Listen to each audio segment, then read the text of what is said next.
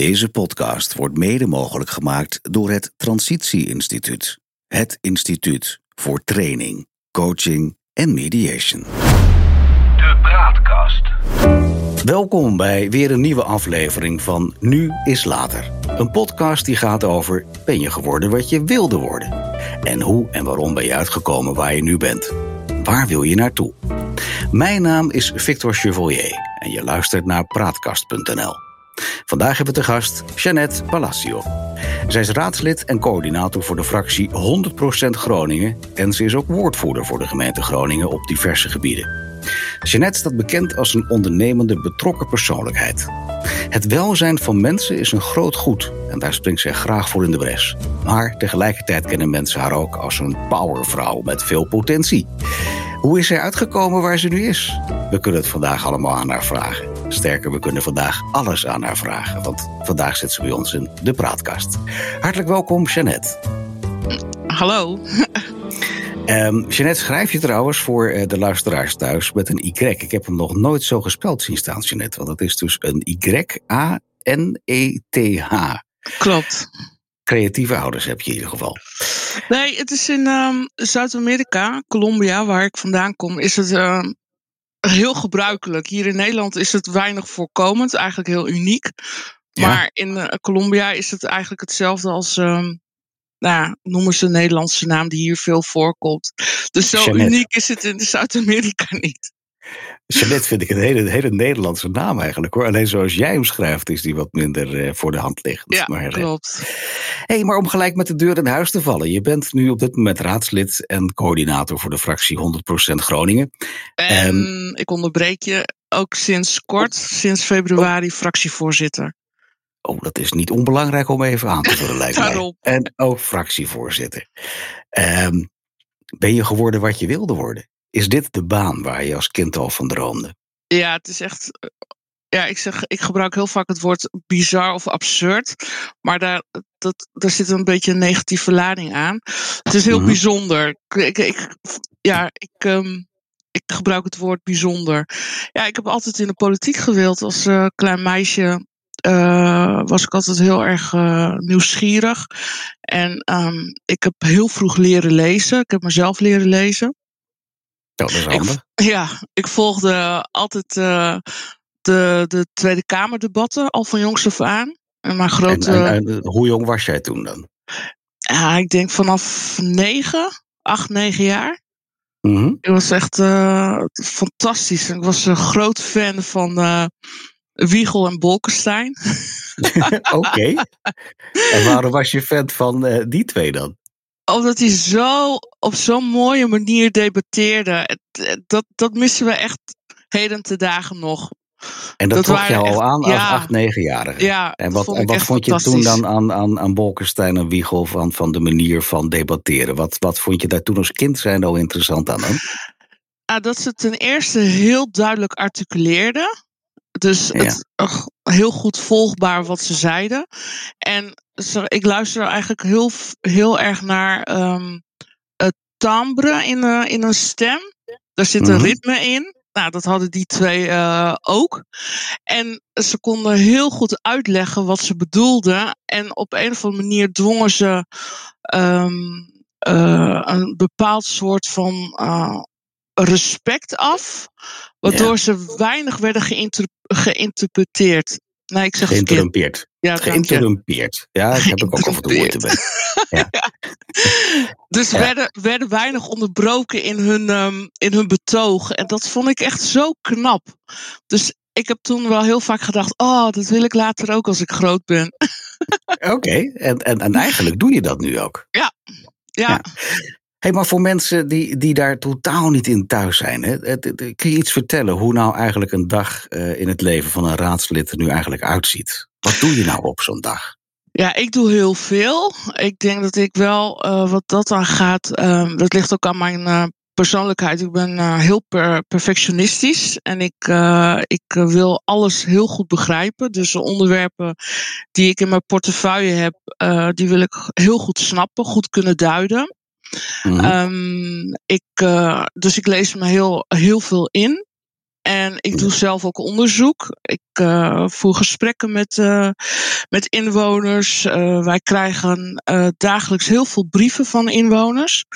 Nou, en de inwoners die, die schrijven over onderwerpen die in mijn portefeuille zitten, die beantwoord ik. Ik lees ze ten eerste altijd. En die beantwoord ja. ik waar het. Um, wat, dat doe je wat, allemaal zelf ook? Ja, ik doe het allemaal zelf. Ja. Be beantwoord dus al die mails, beantwoord je, beantwoord je persoonlijk? Ja, ik beantwoord ze altijd persoonlijk, omdat ik het heel belangrijk vind dat mensen zich gehoord voelen. En ja. um, als mensen schrijven niet zomaar, die hebben een. Uh, die, die, die willen een iets van ons. iets opgelost ja. willen hebben. Precies. En je wil in ieder geval dat mensen gehoord worden. Zeker, en ook erkend worden. En op het moment dat je brieven niet beantwoord. Daarmee, uh, onder, ja, nee, daarmee misken je iemand als persoon, vind ik zelf. Ja. En uh, je neemt een, um, een, een, uh, probleem of een opmerking of nou, de ervaring, de beleving van een inwoner neem je niet serieus. Dus ja, ik beantwoord het altijd persoonlijk. soms laat ik mensen ook mij bellen. En in uitzonderlijke situaties dan uh, ga ik ook gewoon een online meeting uh, uh, organiseer ik dan. Als het over de. Nee, als er meerdere personen zeg maar over hetzelfde onderwerp iets hebben. Mm -hmm. Dan vind ik dat dusdanig belangrijk dat ik een online meeting verzorg. En dat okay. mensen mij ook gewoon zien. Omdat in deze tijd is het een beetje lastig om naar mensen toe te gaan. Voor mm -hmm. werkbezoeken. Dus doen we het gewoon online. Oké. Okay. En, en, en het, als je het over, over jou in deze functie hebt, uh, wat, wat voor eigenschappen heb jij nou die, die jou tot deze functie gebracht hebben? uh, ik noemde al perfectionistisch, denk ik. Ja, en een enorme. Ja, het kan ook lastig zijn hoor. Ja, zeker. Het is ook mijn grootste struikelblok. Ja, precies. Het is maar, zowel, ja, het is mijn valkuil als zowel mijn, uh, mijn sterkte.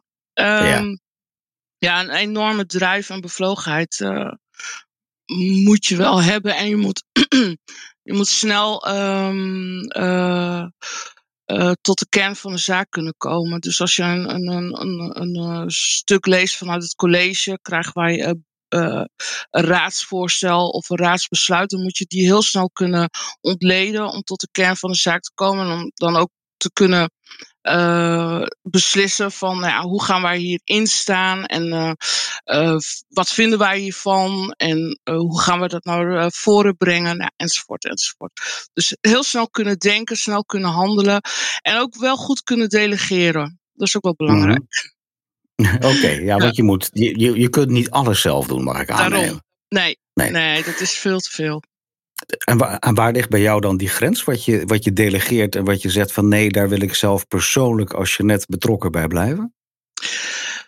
Nou, uh, mijn eigen onderwerpen, die, uh, die splits ik nog wel weer uit. En um, waarbij, als ik het, uh, nou, als het echt heel belangrijk is, dan doe ik het zelf. En anders delegeer ik het naar mijn uh, fractiemedewerkers. Uh, die hebben ook uh, aangegeven on, bij welke onderwerpen zij mij ondersteunen. En dat, mm-hmm. dat, dat, verschilt. En um, ik ben niet iemand die denkt dat ik het allemaal het beste kan, zeker niet. Dus waar ik, ik maak het onderscheid van waarvan ik weet dat ik het heel goed kan, dan doe ik het zelf. En waarvan ik weet dat uh, een van mijn medewerkers, hè, fractiegenoten, het wellicht beter kan. Dan delegeer ik het. En dan uh, dat, dat werkt gewoon aan. Samen. Jij bent daar beter in en dan ja. werkt dat op die manier ja. beter. Nee, ja, zeker. Zo vul je elkaar aan. Ja. Oké. Okay. Um, het lijkt me ook dat je, dat je dag heel erg vol, vol zit. Ja. Um, Klopt. Zijn er ook momenten waarop je echt kunt ontspannen in jouw werk? Of is dat niet mogelijk?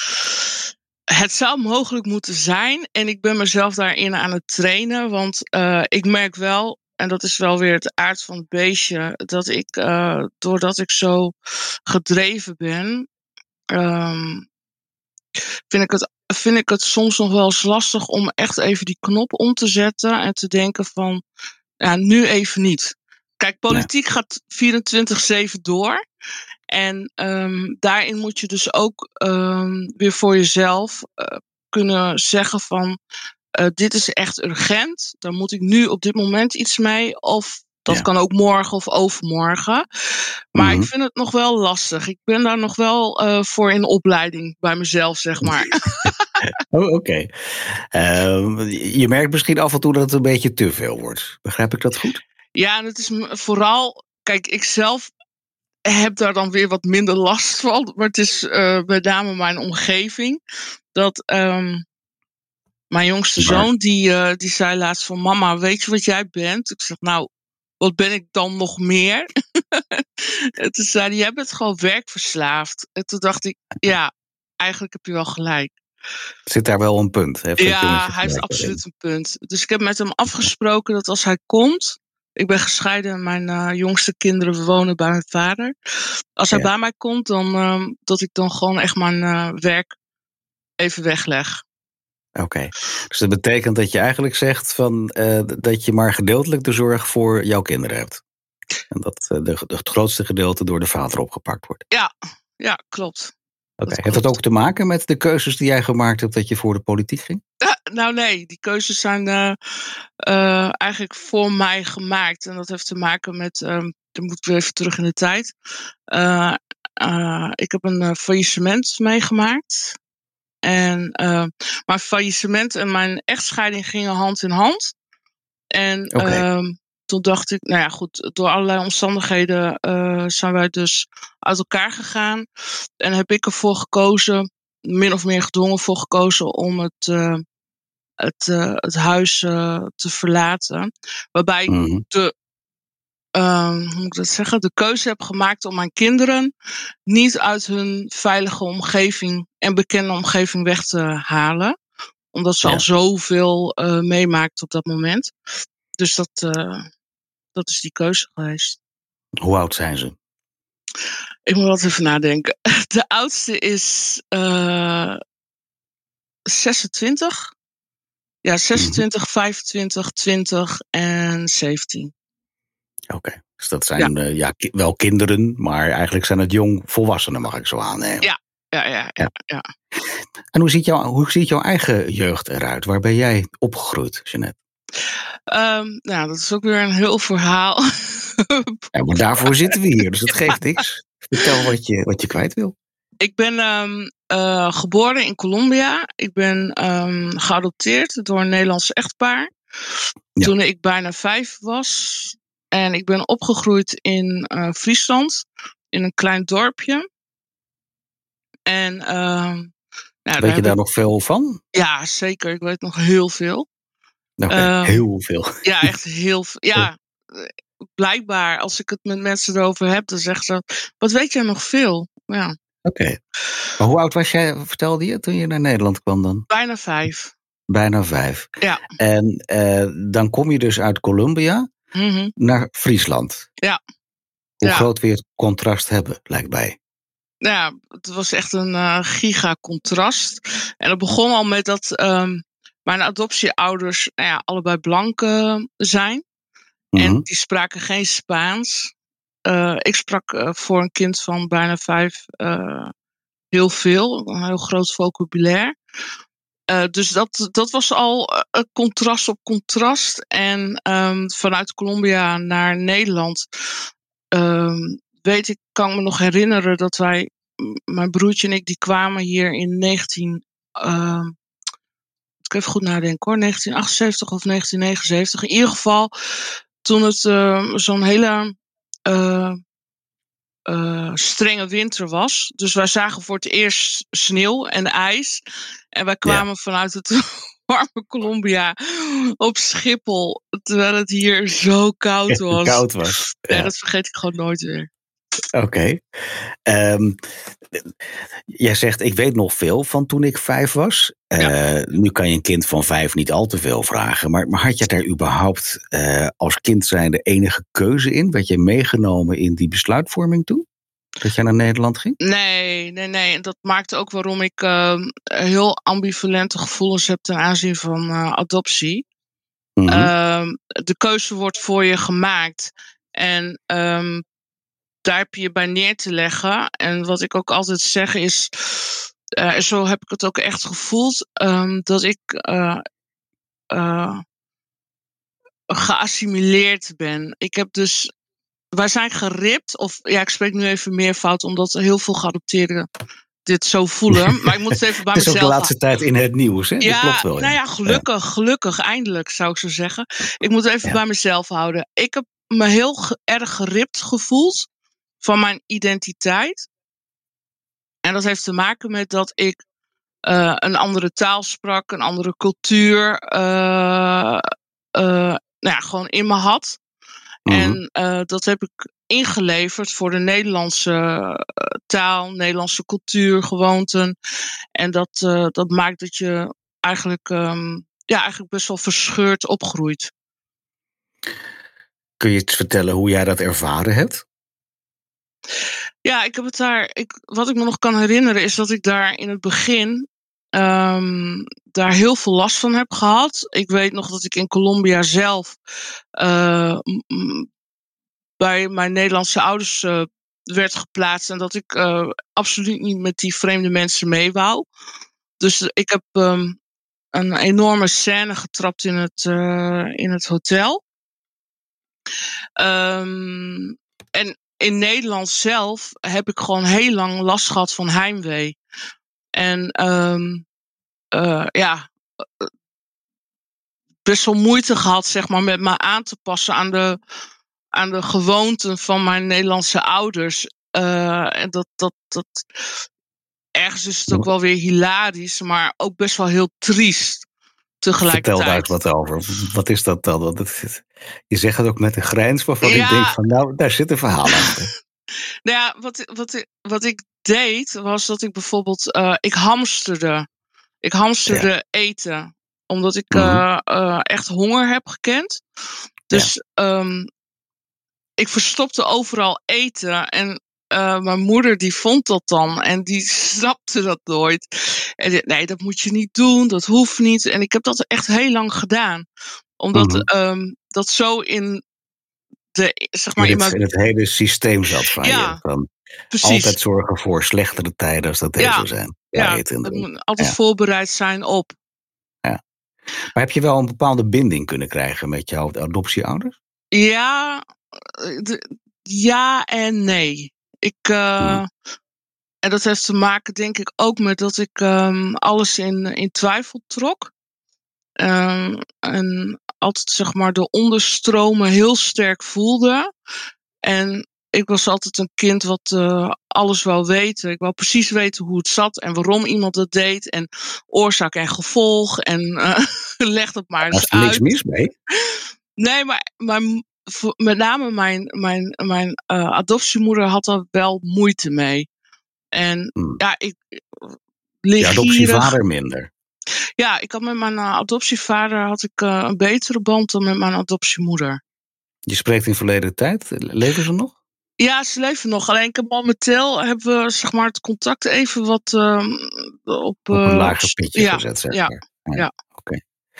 Um, als je nu, nou nu met jouw kennis en ervaring uh, daarnaar kijkt, je zegt al van nou je bent er wat actief in. Wat vind je er nu van, anno 2021? Hoe moeten wij met adoptie omgaan? Ja, het is, um, uh, het is een, lastig onderwerp. En ik spreek natuurlijk vanuit uh, een gekleurd beeld. Dus ik ben daar niet geheel objectief in. Uh, nee, ja, maar daarom vraag ik het juist, Weet vraag ik? het juist aan jou. Weet ik? Jij hebt er ervaring mee. Ja, ik, ik vind dat je adoptie. Uh, uh, ten eerste moet je dat heel wel overwogen doen. En ik ben voorstander voor van als je als echtpaar zou kiezen voor adoptie, zou ik zeggen, doe het dan een financiële adoptie. Ja, ondersteun mm. een kind in, uh, in, het, in, het, in zijn of haar eigen land. En, uh, maar haal het kind niet uit het land. Want ja. uh, dat. dat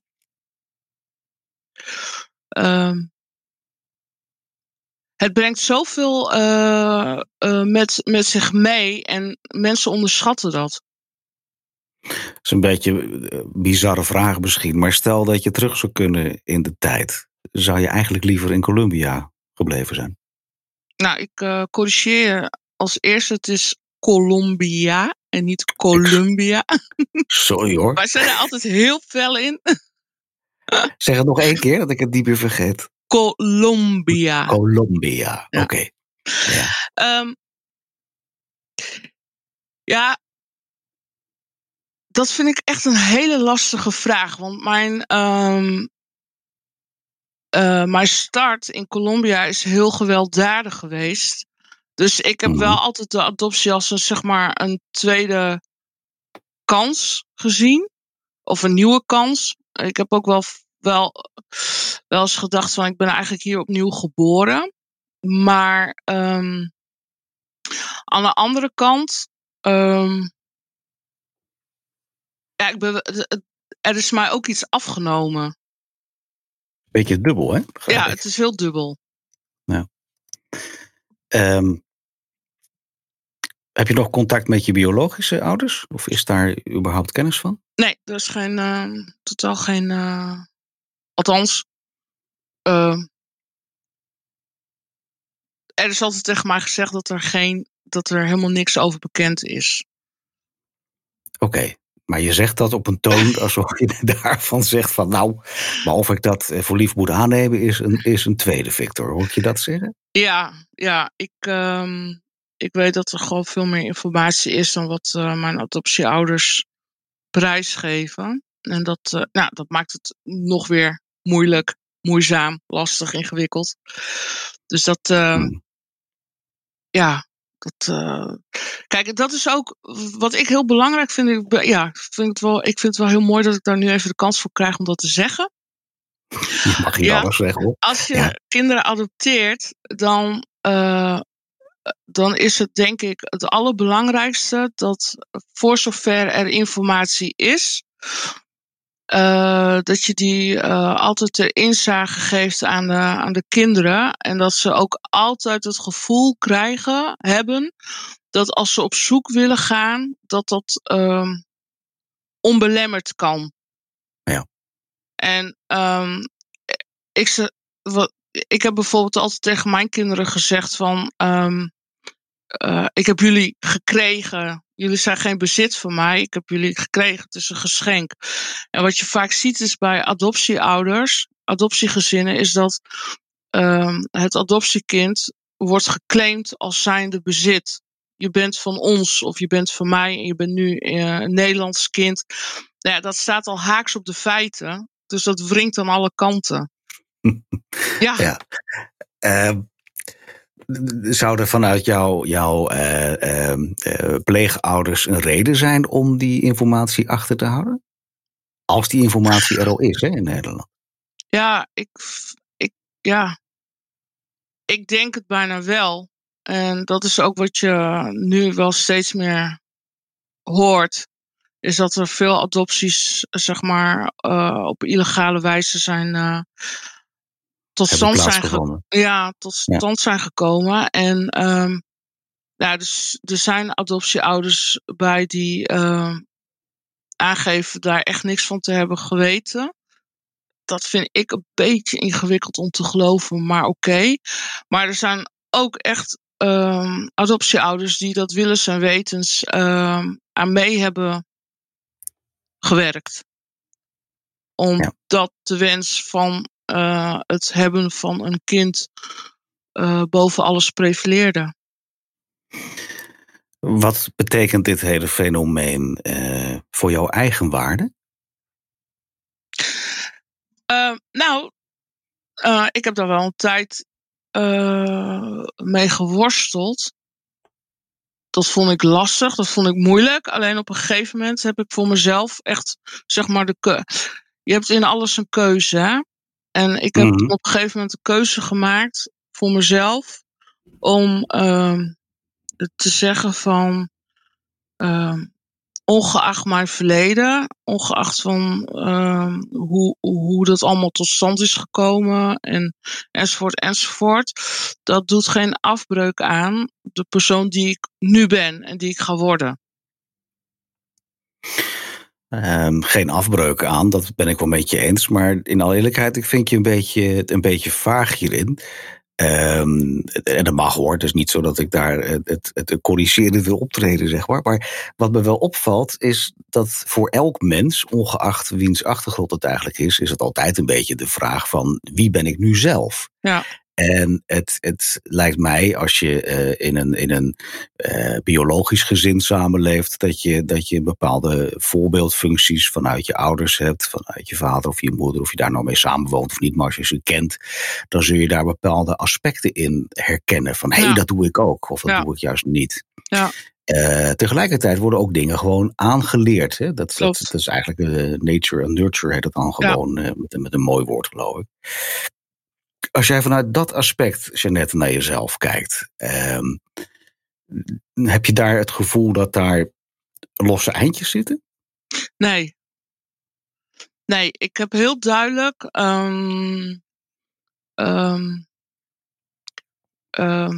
zelf uh, bepaalde dingen die uh, echt aangeboren zijn, ondanks dat ik dus niet weet uh, wat mijn achtergrond is, maar die wel heel sterk uh, in mij zitten. Waardoor ik wel daar op een of andere manier daar ook weer een soort van hou vast aan. Hoe zeg je dat? Uh, heb. Um, mm-hmm. En ik heb wel ook uh, wel echt wel dingen aangeleerd, gedrag vanuit, vanuit het gezin waarin ik ben opgegroeid. En dan moet ik wel heel eerlijk bekennen dat dat echt uh, wel dingen zijn van mijn adoptievader.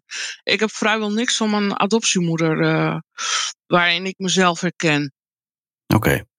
Welke normen en waarden waren thuis belangrijk in Friesland?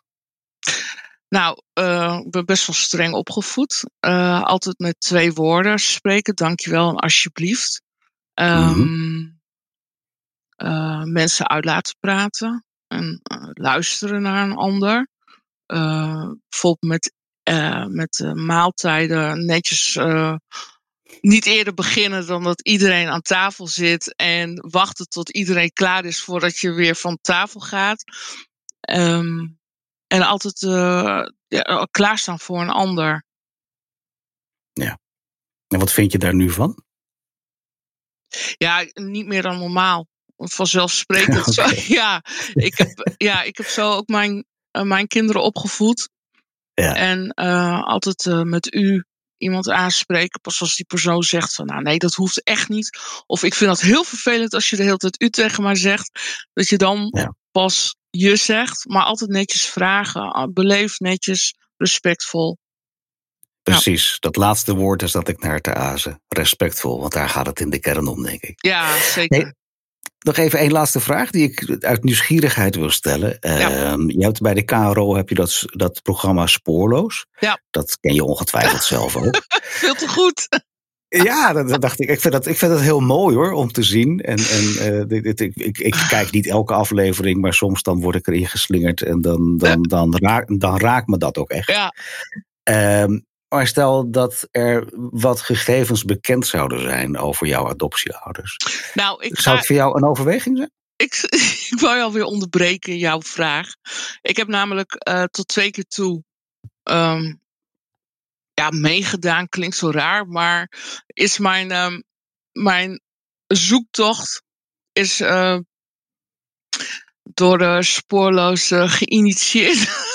met, ik maar, begrijp het niet. Leg eens even uit. Nou, ik heb, um, um, ik heb uh, zelf uh, op een gegeven moment uh, de stoute schoenen aangetrokken en uh, een brief geschreven naar, naar Spoorloos met de vraag of ze maar konden helpen. Oké. Okay, nou, ja. die brief die is toen destijds snel beantwoord. Waarbij ze aangeven van nou, we vinden je verhaal, of althans hoe je jouw, jouw leven zeg maar, eruit ziet wel zo interessant. En we willen kijken of we wat voor je kunnen betekenen. Mm-hmm. Maar gaven ze aan, uh, op het moment dat wij uh, voor je gaan zoeken, dan, dan lichten we je vrijwel niet in. Omdat er zoveel, uh, ja, hoe moet je dat zeggen? Om mensen zeg maar niet uh, uh, hoop te geven voordat er echt dingen bekend zijn.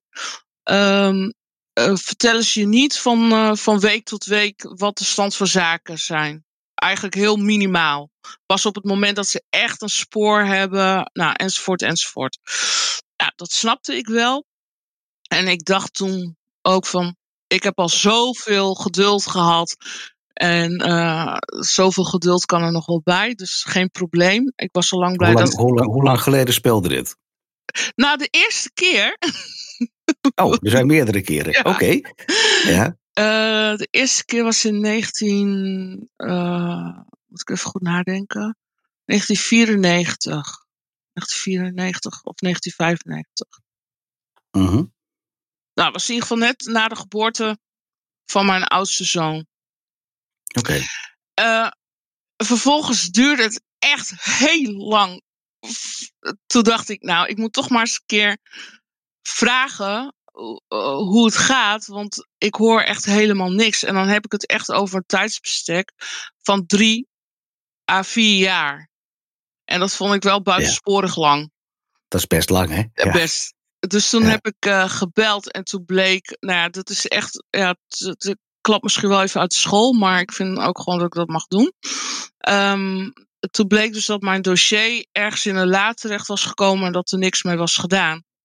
En toen, oh, um, wat sneu. Ja, ja, toen ben ik heel boos geworden. En toen, um, nou ja, goed, er is een stevige woordenwisseling heeft plaatsgevonden. En toen Mhm. mm -hmm. heeft, uh, nou, Caro Spoorloos heeft toen ook uh, oprechte excuses aangeboden. En mijn dossier is toen overgenomen door iemand anders. Um, nou, die heeft toen wel echt zijn best gedaan, maar daar kwam gewoon niks uit. Totaal niks. Waardoor wel constant de vraag naar boven kwam: vertellen jouw ouders wel jou de waarheid? En um, wij hebben het idee dat er dingen achterhouden en dat, uh, dat er heel veel dingen niet kloppen. Dus dat was wel een moeilijk proces, moet ik eerlijk, uh, eerlijk, uh, eerlijk gezegd. Uh, Heeft dat er ook voor gezorgd dat de situatie met je pleegouders wat vertroebeld is? Ja. Ik het zo noem. Ja, ja zeker, okay. zeker. Nou, in ieder geval toen heeft. Uh, ze hebben toen, Caro heeft toen, uh, nou ja, alles wat zij konden doen, hebben ze gedaan. Ze hebben het Rode Kruis nog ingeschakeld, omdat het Rode Kruis uh, zeg maar in bepaalde gebieden wel mag komen waar de correspondenten van uh, uh, spoorloos, spoorloos niet kunnen niet komen. Ja. Nou, en op een gegeven moment dacht ik van, uh, het is, weet je, ik heb er alles aan gedaan en hier stopt het en daar heb ik ook wel gewoon vrede mee. Toen hebben mm -hmm. ze wel gezegd van, mochten we ooit toch nog op een of andere manier een spoor vinden, um, uh, bezijden dan voor open. Toen heb ik gezegd van nou ja, in principe wel. Nou, dat duurde vervolgens weer heel lang. Toen, ja. ik was het eerlijk gezegd. Nou, vergeten doe je het nooit, maar het zat wel heel ver weg bij mij. Mm -hmm. um, dat ik op een gegeven moment werd ik gebeld door uh, Spoorloos. En um, met, met de opmerking van, uh, ja, we denken dat we toch een, iets op het spoor zijn en sta je er nog voor open. Okay. heb ik uh, aangegeven, uh, zeker. En um, nou, er is toen een, uh, een interview geweest. Ik heb toen, um, Spoorloos heeft toen een hele dag bij mij thuis gefilmd, het gezin gefilmd. Nou, dan kom je echt wel in een maalstroom terecht. En uh, op een gegeven moment um, uh, werd duidelijk dat ze uh, mijn biologische moeder hadden gevonden. Dus ik moest toen naar de